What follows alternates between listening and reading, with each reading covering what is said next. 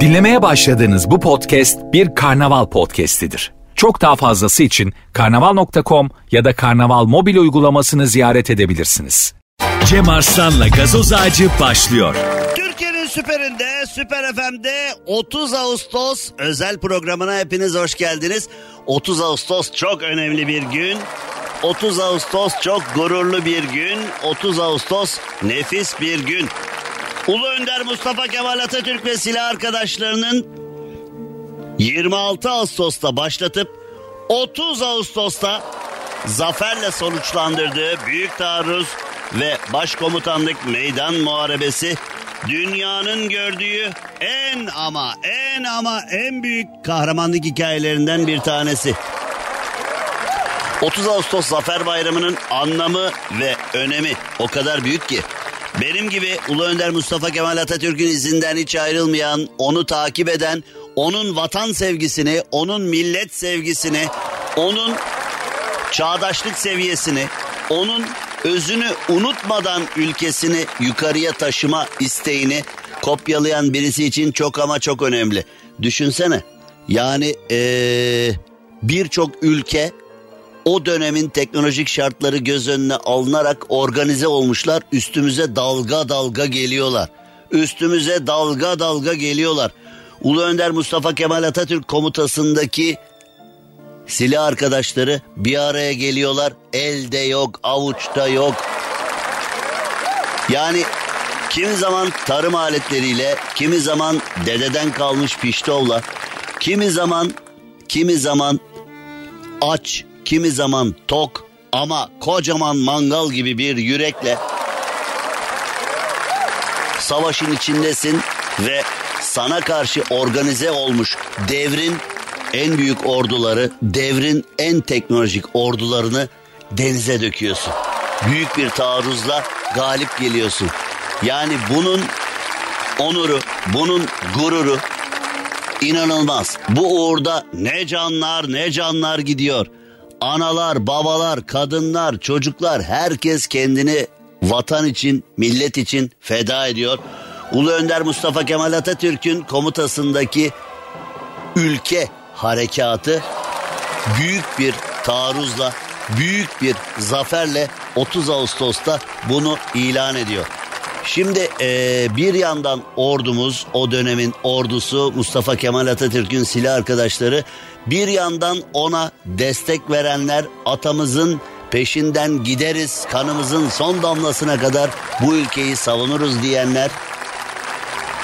Hepsi ama hepsi, hepsi ama hepsi çok önemli. Kurtuluş Savaşı destanımız, 30 Ağustos'umuz, ee, yani bunların hepsi okurken, takip ederken Ulu Önder Mustafa Kemal Atatürk'ün Türkiye Cumhuriyeti'ni kurarken yaşadığı hem cephedeki olaylar, hem meclisteki olaylar, hem gündemdeki olaylar, yurt gezileri hepsi birbirinden çok değerli. İşte şimdi bugün 30 Ağustos'u 30 Ağustos Zafer Bayramı'nı idrak edeceğiz. Çoluğa çocuğa yeni nesile bunu anlatacağız.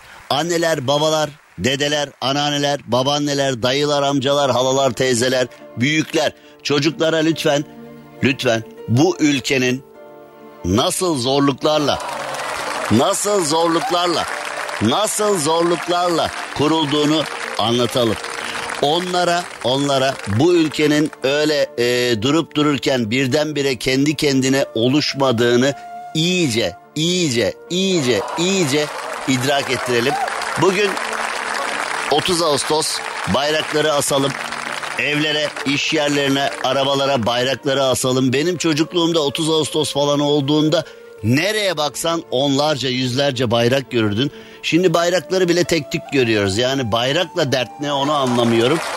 Neden bayrak asmaktan biraz imtina ediyoruz onu da anlamıyorum. Ama arabalara, evlere, balkonlara, iş yerlerine, her yere, dükkanlara, kafelere, restoranlara, her yere, her yere, her yere bayraklarımızı asalım. Bu çok önemli. Ulu Önder Mustafa Kemal Atatürk ve silah arkadaşlarına bir kez daha minnettarız. Bir kez daha onları sevgiyle, saygıyla anıyoruz. Ve bugün 30 Ağustos özel bir program yapacağız. 30 Ağustos anılarından, cepheden, oradan, buradan belki bildiğiniz, biliyorsanız pekiştireceğiniz, bilmiyorsanız öğreneceğiniz hikayeler anlatacağız. 30 Ağustos Zafer Bayramı kutlu mutlu olsun. Hoş geldiniz. Cem Arslan'la gazoz ağacı devam ediyor. Ve şimdi 30 Ağustos'ta neler olmuş, neler yaşanmış bunu çoluğa çocuğa anlatmak lazım. Az önce de söyledim ya bilenler pekiştirsin, bilmeyenler öğrensin. Az bilenler şöyle bir tekrar yapsın. 30 Ağustos 1922'de Dumlupınar'da Ulu Önder Mustafa Kemal Atatürk'ün başkumanlandığında zaferle sonuçlanan büyük taarruz 101. yılında kutlanıyor. Gazi Mustafa Kemal Atatürk büyük zaferden 2 yıl sonra 30 Ağustos 1924'te Dumlupınar'da Cumhuriyet tarihimizin oldukça önemli bir konuşmasını yaptı. Şanlı zafere giden yolu an be an anlattı. İşte Mustafa Kemal Atatürk'ün ifadeleriyle 30 Ağustos.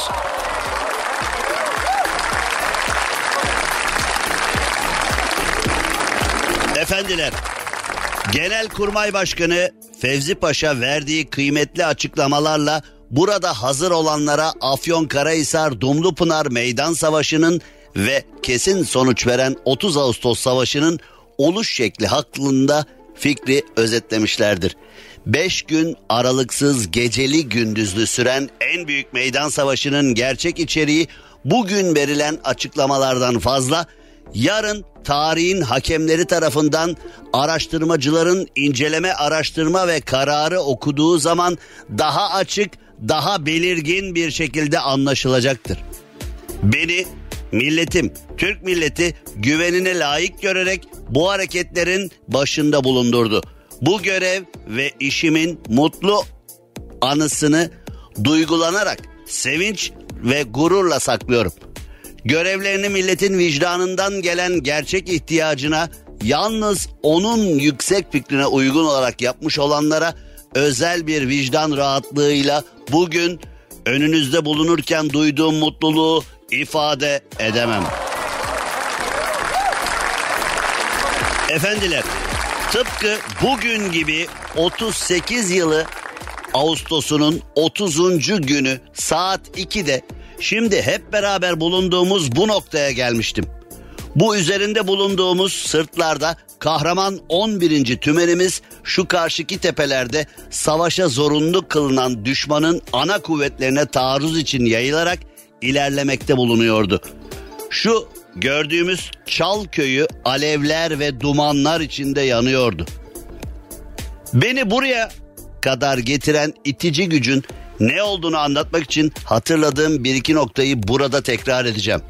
29-30 Ağustos gecesi sabaha karşı Batı Cephesi Hareketleri Şubesi Müdürü Tevfik Bey alışıldığı gibi o saate kadar çeşitli karar merkezlerinden ve her taraftan gelen raporlara göre harita üzerinden belirlediği ve gösterdiği genel durumu cephe komutanı İsmet Paşa'ya göndermiş ve o da hemen paşaya göster emriyle Tevfik Bey'i yanıma göndermişti.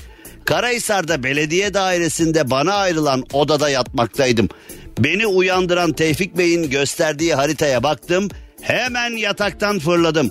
Arkadaşlar haritada gördüğüm şey şuydu ki ordularımız düşmanın önemli kuvvetini kuzeyden, güneyden, batıdan kuşatmaya uygun bir durum almış bulunuyorlardı.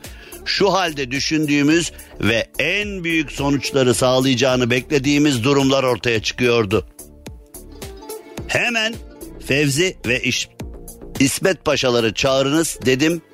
Üçümüz toplandık. Durumu bir daha düşündük ve kesinlikle karar verdik ki Türk'ün gerçek kurtuluş güneşi 30 Ağustos sabahı ufuktan bütün parlaklığıyla doğacaktır. Bu karara göre ordulara yeni emir yazıldı.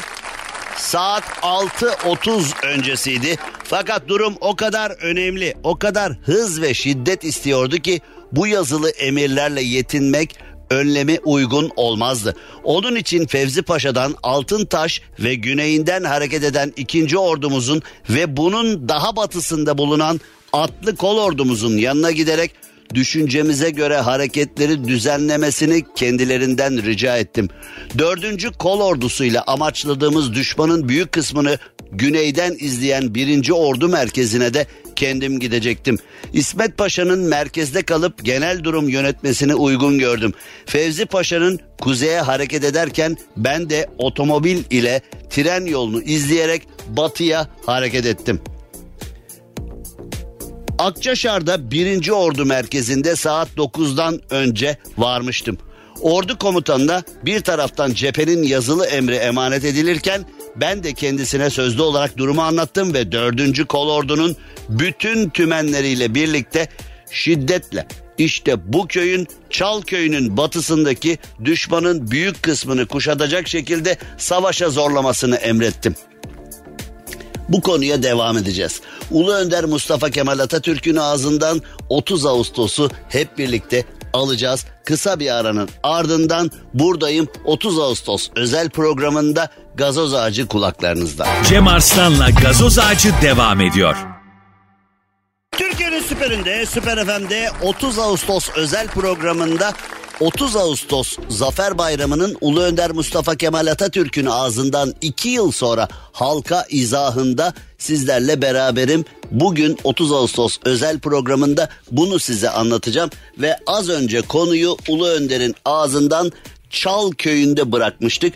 Çal köyünün batısındaki düşmanın büyük kısmını kuşatacak şekilde savaşa zorlamasını emrettiği anda bırakmıştık. O zaman devam edelim. Ulu Önder Mustafa Kemal Atatürk 30 Ağustos Zafer Bayramı'nı bizzat kendi ağzından anlatıyor.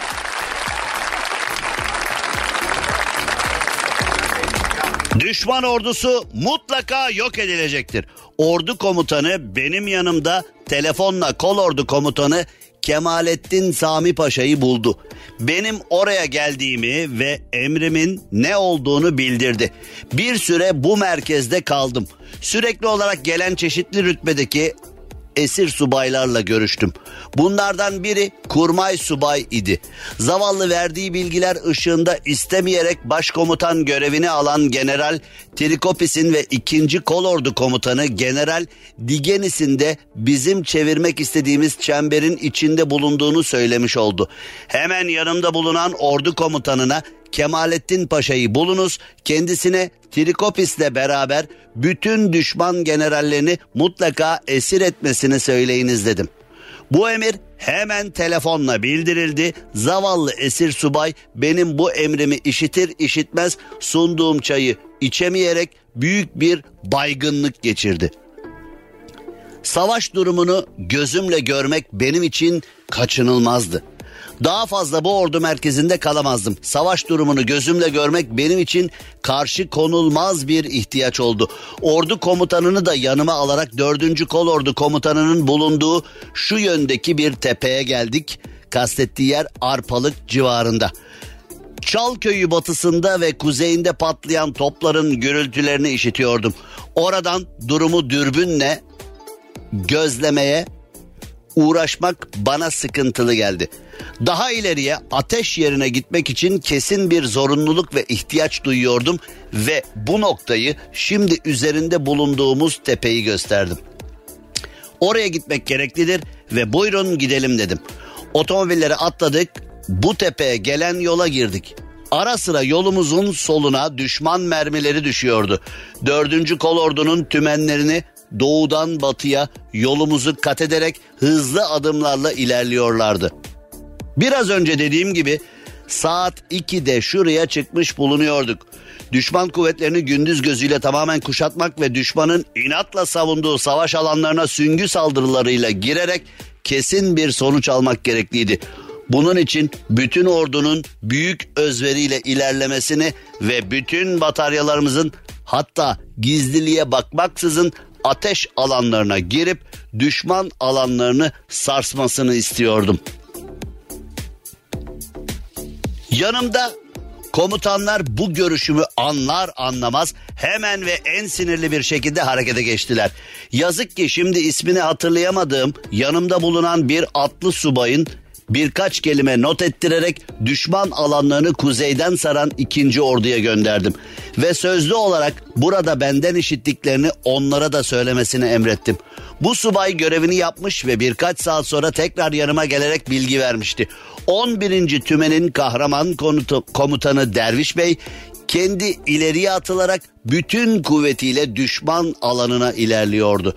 Kolordu komutanı Kemalettin Paşa güneyden ve batıdan düşmana saldırdığı ve diğer tümenlerine yeniden şiddetli ve hızlı hareketler için emirlerini ulaştırıyordu. İkinci ordunun 16. ve 65. tümenleri düşmanla gerçek savaşa girişiyorlar diğer tümenleri de kuşatma çemberini daraltıyorlardı.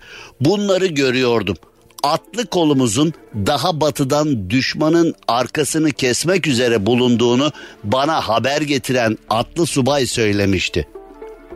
30 Ağustos özel programında Ulu Önder Mustafa Kemal Atatürk'ün ağzından 30 Ağustos Zafer Bayramı'nın üzerinden iki yıl geçtikten sonra halka anlatımını sizlerle paylaşıyorum. Program biraz sonra devam edecek ve atamızın 30 Ağustos Zafer Bayramı ile ilgili söylediklerini sizlerle beraber işleyeceğiz. Çünkü bu büyük günü, bu onurlu, gururlu günü hep birlikte idrak etmemiz gerekiyor. Cem Arslan'la gazoz ağacı devam ediyor. Gazoz ağacı devam ediyor. 30 Ağustos özel programında Ulu Önder Mustafa Kemal Atatürk'ün kendi ağzından zaferin üzerinden iki yıl geçtikten sonra zaferi halka anlatımını sizlerle paylaşıyorum. Kendi ağzından bu paylaşım çok önemli. Kaldığımız yerden devam ediyoruz. Saat ilerledikçe gözlerimin önünde gelişen manzara şuydu. Düşman başkomutanının şu karşıdaki tepede son gücüyle çırpındığını görüyor gibiydim. Bütün düşman alanlarında büyük bir heyecan ve telaş vardı. Artık topların tüfeklerinin ve mitralyözlerinin ateşlerinde sanki öldürücü kabiliyet kalmamıştı. Bu ovadan kuzeyden ve güneyden birbirini izleyen vurucu hatlarımızın batışa yaklaşan güneşin son ışıklarıyla parlayan süngüleri her an daha ileride görülüyordu. Düşman alanlarını saran bir çember üzerinden yer almış olan bataryalarımızın aralıksız ve amansız ateşleri düşman alanlarını içinde durulmaz bir cehennem haline getiriyordu. Güneş batıya yaklaştıkça ateşli kanlı ve ölümlü bir kıyametin kopmak üzere olduğu bütün ruhlarda duyuluyordu. Bir zaman sonra dünyada büyük bir yıkım olacaktı ve beklediğimiz kurtuluş güneşini doğabilmesi için bu yıkım gerekliydi. Karanlıklar içinde bu yıkım gerçekleşmeliydi. Gerçekten gökyüzünün karardığı bir dakikada Türk süngüleri düşman dolu o sırtlara saldırdılar. Artık karşımda bir ordu, bir kuvvet kalmamıştı. Tam olarak yok olmuş, perişan, bir arta kalan kitle bulunuyordu. Kendilerinin dediği gibi çok korkan ve titreyen şekilsiz bir kitle tuhaf bir karmaşa halinde kaçmak için açıklık arıyordu. Artık gecenin koyulaşan ağırlığı sonucu gözle görmek için güneşin tekrar doğudan doğmasını beklemeyi zorunlu kılıyordu. Efendiler ertesi gün tekrar bu savaş alanını dolaştığım zaman ordumuzun kazandığı zaferin yüceliği ve buna karşılık düşman ordusunun düşürüldüğü felaketin büyüklüğü beni çok duygulandırdı. Karşı sırtların gerilerindeki bütün vadiler, bütün dereler, bütün kapalı kalmış yerler bırakılmış toplarla, otomobillerle ve bitmez tükenmez donatım ve malzeme ile ve bütün bu bırakılan şeylerin aralarında yığınlar oluşturan ölülerle ve toplanıp merkezlerimize gönderilmekte olan sürü sürü esir gruplarıyla gerçekten bir kıyamet yerini andırıyordu. Bu dar ateş ve saldırı çemberinden bugün için kurtulabilenler birkaç bin kişilik arda kalanlardan oluşmaktaydı. Fakat onlar da daha büyük Türk çemberinin içinden çıkmaya başarılı olamayarak başlarında başkomutanları bulunduğu halde beyaz bayrak çekmek zorunluluğu olmuştu. Efendiler Ağustos'un 31. günü yaklaşık öğle vaktiydi ki yine bu Çal köyünde yıkık bir evin avlusu içinde İsmet Paşa ve Fevzi Paşa ile buluştuk. Kırık Kağanı arabalarının döşeme ve oklarına ilişerek bundan sonraki durumu düşündük. Kazandığımız meydan savaşının bütün seferi sona erdirilebilecek ve kararlılık ve önemde olduğunda birleştik. Şimdi Bursa yönüne çekilen düşman kuvvetlerini yok etmekle birlikte bütün orduyla dinlenmeden İzmir'e yürüyecektik. Efendiler bugünden sonra İzmir'de Akdeniz'i, Mudanya'da Marmara'yı görmek için 8-9 günlük bir zaman yeterli gelmiştir. Fakat hatırlamalıyım ki bugüne bu üzerinde bulunduğumuz tepeye bu yanık çal köyüne gelebilmek için yalnız Sakarya'dan başlayarak harcadığımız zaman tam bir yıldır. Fakat bu belirlediğimiz zaferi hazırlayabilmek için bir yılı çok bulmazsınız sanırım. Çünkü efendiler savaş ve özellikle meydan savaşı yalnız karşı karşıya gelen iki ordunun çarpışması değildir. Milletlerin çarpışmasıdır. Meydan savaşı milletlerin tüm varlıklarıyla, ilim ve fen sahasındaki dereceleriyle, ahlaklarıyla, kültürleriyle, kısaca bütün maddi manevi güç ve iyi huylarıyla ve her türlü araçlarla çarpıştığı bir sınav sahasıdır. Bu sahada çarpışan milletlerin gerçek kuvvet ve kıymetleri ölçülür. Sonuç yalnız beden gücünün değil bütün kuvvetlerin özellikle ahlaki ve kültürel kuvvetin yükselmesini gerçekleşme derecesine vardırır. Bu nedenle meydan savaşında yenilen taraf milletçe ve memleketçe bütün maddi ve manevi varlığıyla yenilmiş sayılır. Böyle bir sonun ne kadar korkunç olabileceğini tahmin edersiniz. Yok olup gitmek yalnız savaş sahasında bulunan orduya ait kalmaz. Asıl ordunun ait olduğu millet korkunç sonlara uğrar. Tarih başlarındaki hükümdarların, hırslı politikacıların bir takım hayali isteklerle aracı yerine düşen işgalci olduların, işgalci milletlerin uğradığı bu şekli korkunç sonlarla doludur. Evet her cümlesinde Ulu Önder Mustafa Kemal Atatürk'ün vizyonunu, Ulu Önder Mustafa Kemal Atatürk'ün o yıllarda, o yıllarda ne kadar ileri görüşlü olduğunu bugün bile onun yanından e, geçemiyoruz vizyonda. Yani ne kadar öngörülü bir hareketi yaparken, bir emri verirken ne kadar derinlemesine ilimden, fenden, askeri harekattan yola çıkarak davrandığını anlamak mümkün. 30 Ağustos özel programında Ulu Önder Mustafa Kemal Atatürk'ün ağzından 30 Ağustos'u işlemeye devam edeceğiz. Cem Arslan'la gazoz ağacı devam ediyor. 30 Ağustos'u işlemeye devam ediyoruz. Bu özel günde 30 Ağustos özel programında bizzat kendi ağzından Ulu Önder'in bizzat kendi ağzından 30 Ağustos'un hikayesi. Efendiler Türk vatanını almak düşüncesini, Türk'ü esir etmek hayalini genel ortak bir düşünce haline koymaya çalışanların da hak ettikleri sondan kurtulamamış olduklarını gözlerimizle gördük. Efendiler, kendilerine bir milletin geleceğini emanet edilen adamlar milletin kuvvet ve gücünü yalnız ve ancak yine milletin gerçek ve kabul edilir yararlar elde etmesi yolunda kullanmakla sorumlu olduklarını bir an hatırlarından çıkarmamalıdırlar. Bu adamlar düşünmelidirler ki bir memleketi ele geçirip işgal etmek o memleketin sahiplerine hükmetmek için yeterli değildir. Bir milletin ruhu baskı altına alınmadıkça bir milletin kararlılığı ve iradesi kırılmadıkça o millete hükmetmenin imkanı yoktur. Halbuki yüzyılların çocuğu olan bu milli ruh kalıcı ve sürekli bir milli iradeye hiçbir kuvvet karşı koyamaz. Hükmedilmek istenmeyen bir milleti esaret altında tutmayı başaracak kadar kuvvetli zorbalar artık bu dünya yüzünde kalmamıştır. Türk milleti son çarpışmalarıyla özellikle burada kazandığı zaferle kazandığı kararlılık ve iradeyle herkesce bilinen bu gerçekleri bir defa daha tarihin sinesine çelik kalemle kazımış bulunuyor.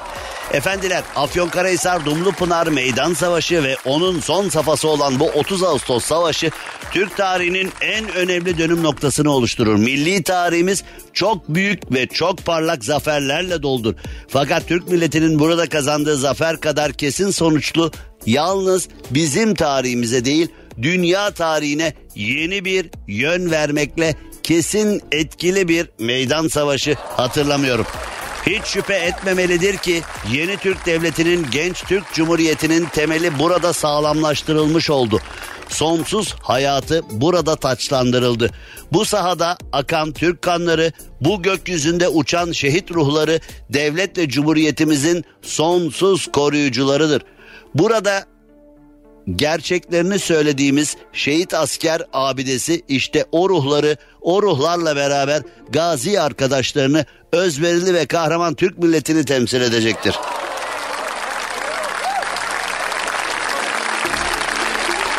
Bu abide Türk vatanına göz dikeceklere Türk'ün 30 Ağustos günündeki ateşini, süngüsünü, saldırısını, gücü ve iradesindeki şiddeti hatırlatacaktır. Efendiler bu büyük zaferin çeşitli unsurları üstünde en önemlisi en büyüğü Türk milletinin kayıtsız şartsız egemenliğini ele almış olmasıdır. Bu olayın tarihimizde ve bütün dünyada ne büyük ne verimli bir inkılap olduğunu anlatmaya gerek görmem. Milletimizin uzun yüzyıllardan beri hanlar, hakanlar, sultanlar, halifeler elinde onların yönetim ve baskısı altında ne kadar büyük ezildiğini, onların hırslarını sağlama yolunda ne kadar büyük felaketlere ve zararlara uğradığını düşünürsek milletimizin egemenliğini eline almış olması olayının bütün büyüklüğü ve önemi gözlerinizin önünde canlanır. Gerçi büyük zaferin ertesi gününe kadar İstanbul'da halife ve sultan adı altında bir şahıs ve onun işgal ettiği hilafet ve saltanat ünvanı ile bir makam vardı. Fakat bu zaferden sonra millet o makamları ve o makam sahiplerini hak ettikleri sona ulaştırdı. Efendiler milli egemenlik öyle bir ışıktır ki onun karşısında zincirler erir, taç ve tahtlar yanar, yok olur. 30 Ağustos özel programımız devam edecek. 30 Ağustos'ta kulaklarınızdayız. 30 Ağustos özel programında Ulu Önder Mustafa Kemal Atatürk'ün ağzından 30 Ağustos'un hikayesini bizzat sizlere sunuyorum. Cem Arslan'la gazoz ağacı devam ediyor. 30 Ağustos özel programında Ulu Önder Mustafa Kemal Atatürk'ün ağzından 30 Ağustos'un hikayesini sizlere anlatmaya devam ediyorum. Milletlerin esareti üzerine kurulmuş olan kurumlar her tarafta yıkılmaya mahkumdurlar. Avrupa'nın ortasından ta doğunun diğer ucundaki binlerce senelik memleketlere bakacak olursak Osmanlı İmparatorluğu'nun hak ettiği sonu daha güzel anlayabiliriz.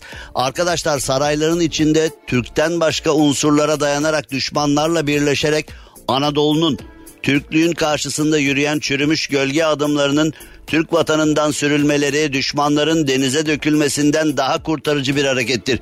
Türk milletinin atalarının kutlu emaneti olan bu topraklarda tam anlamıyla efendi olarak yaşaması ancak o lüzumsuz ve manasız olmaktan başka varlıkları tam zarar ve felaket olan makamların yok edilmesiyle mümkün olabilirdi.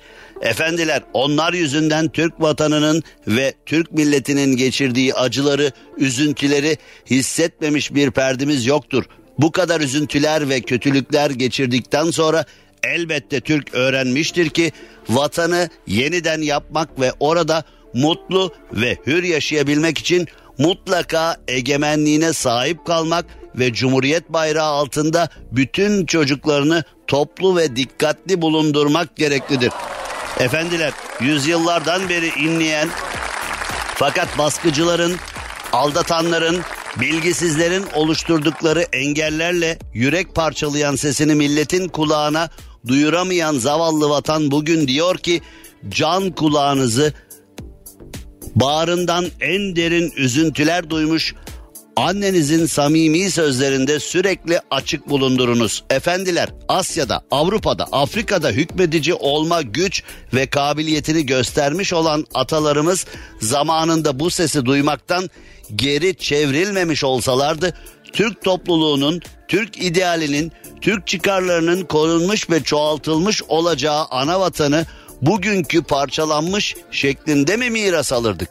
Efendiler Artık vatan imar istiyor, zenginlik ve refah istiyor, ilim ve hüner, yüksek medeniyet, hür düşünce ve hür zihniyet istiyor. Şeref, namus, istiklal, gerçek varlık. Vatan bu isteklerini tamamen ve hızla yerine getirmek için kurallı ve gerçek bir şekilde çalışmayı emreder. Efendiler, yüzyıllardan beri Türkiye'yi yönetenler çok şey düşünmüşlerdir. Fakat yalnız bir şeyi düşünmemişlerdir. Türkiye'yi. Bu düşüncesizlik yüzünden Türk vatanının, Türk milletinin uğradığı zararları ancak bir şekilde giderebiliriz. O da artık Türkiye'de Türkiye'den başka bir şey düşünmemek. Ancak bu düşünceyle hareket ederek her türlü kurtuluş ve mutluluk hedeflerine ulaşabiliriz. Efendiler, bizim milletimizin vatan için özgürlüğü ve egemenliği için özverili bir halktır. Bunu ispat etti. Milletimiz yaptığı inkılapların kararlı savunucusudur da. Benliğinde bu iyi huylar yerleşmiş bir milleti yürümekte olduğu doğru yoldan hiçbir kimse, hiçbir kuvvet alıkoyamaz. Efendiler, milletimiz egemenliğini eline aldığı gün bilmeyen kalmamıştır ki en karanlık kötülüklerin en derin uçurumu kenarında bulunuyordu. Maddi kuvveti yıpratılmış, savunma araçları elinden alınmış, manevi dünyası kutsal saydıkları saldırıya uğramış üzücü bir durumda bulunuyorlardı. Bütün bunlara rağmen varlığını ve istiklalini kurtarmaya karar verdi. Bu kararında başarı sağlayabilmek için bütün milletin kendine bir hedef ve hareket seçmesi gerekiyordu. Bütün milletin o hedef üzerinde mutlaka başarı sağlamayı amaç kabul etmesi gerekiyordu.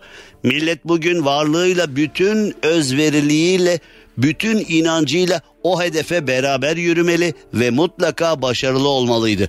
Efendiler o hedef burasıydı. Amaç olan başarı burada kazanılan zafer idi.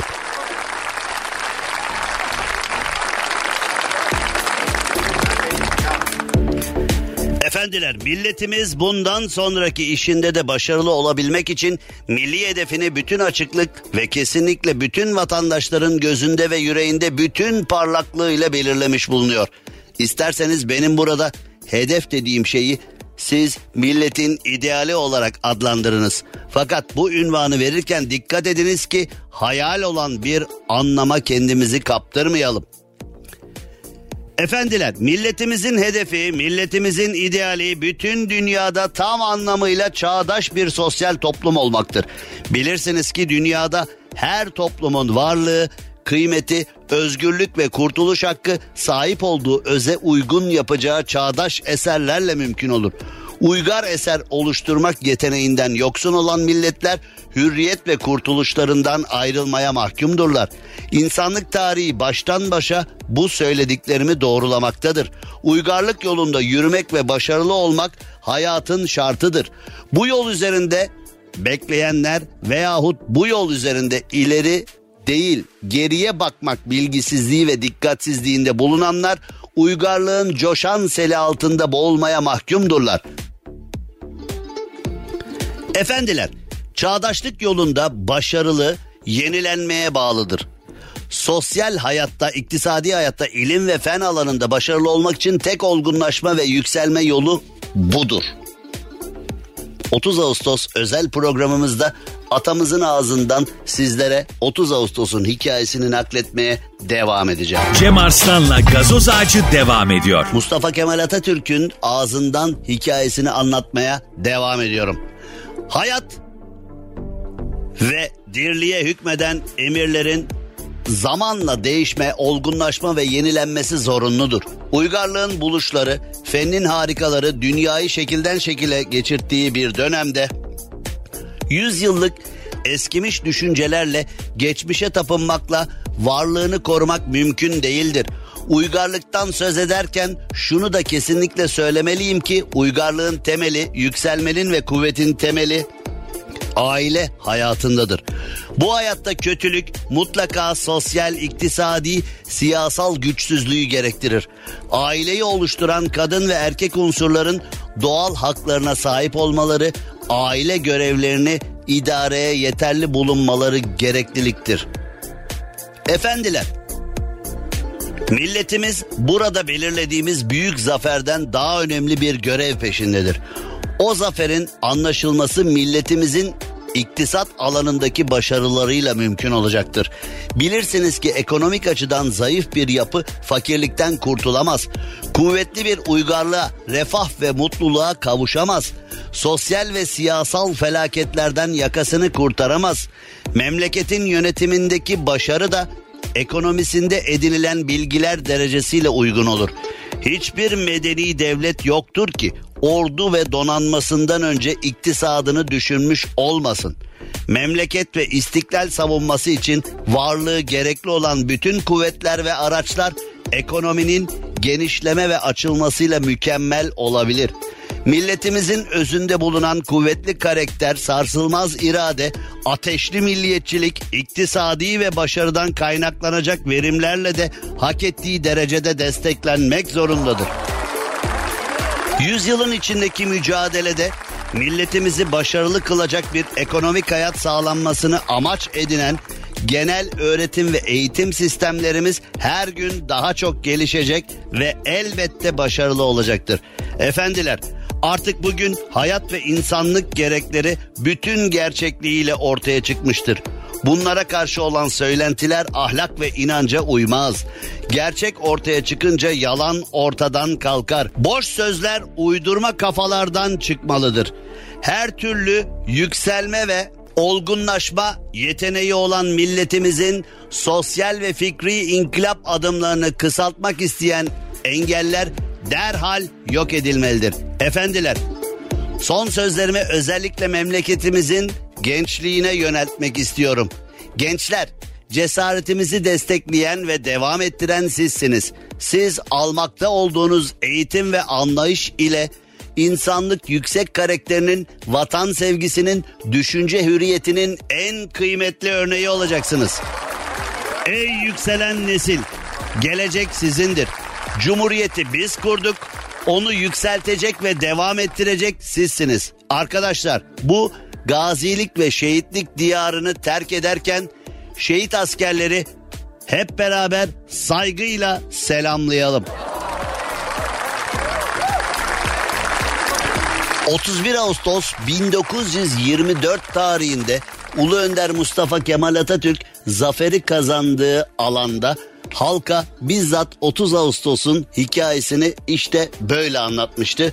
30 Ağustos Zafer Bayramı sadece 30 Ağustos'ta bir gün boyunca hamasi duygularla idrak edilip ondan sonra geri kalan hayatımıza devam edecek bir durum değil. Yani 365 güne yayarak biz bugün rahat yaşayalım diye, biz bugün refah içinde mutlu mesut yaşayalım diye tuttuğumuz takımın maçını seyrederken, tatile giderken, gülüp eğlenirken, ailece arkadaşlarla güzel zaman geçirirken bunları unutmamak lazım. Çünkü onları yapabiliyorsak işte vatanı, milleti, bayrağı için canlı vermekten bir saniye bile geç kalmayan insanların kahramanlığı, cesareti ve bizler o zaman için bizler olan gelecek nesilleri düşünmeleriyle mümkün oldu.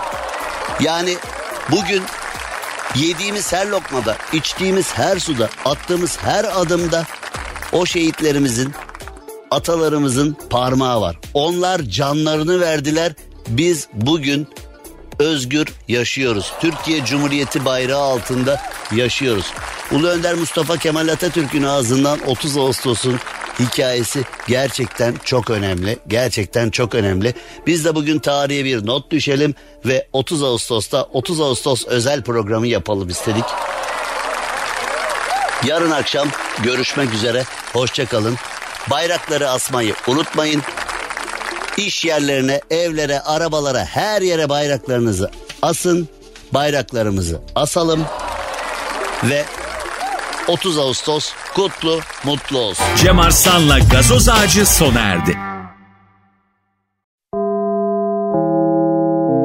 Dinlemiş olduğunuz bu podcast bir karnaval podcastidir. Çok daha fazlası için karnaval.com ya da karnaval mobil uygulamasını ziyaret edebilirsiniz.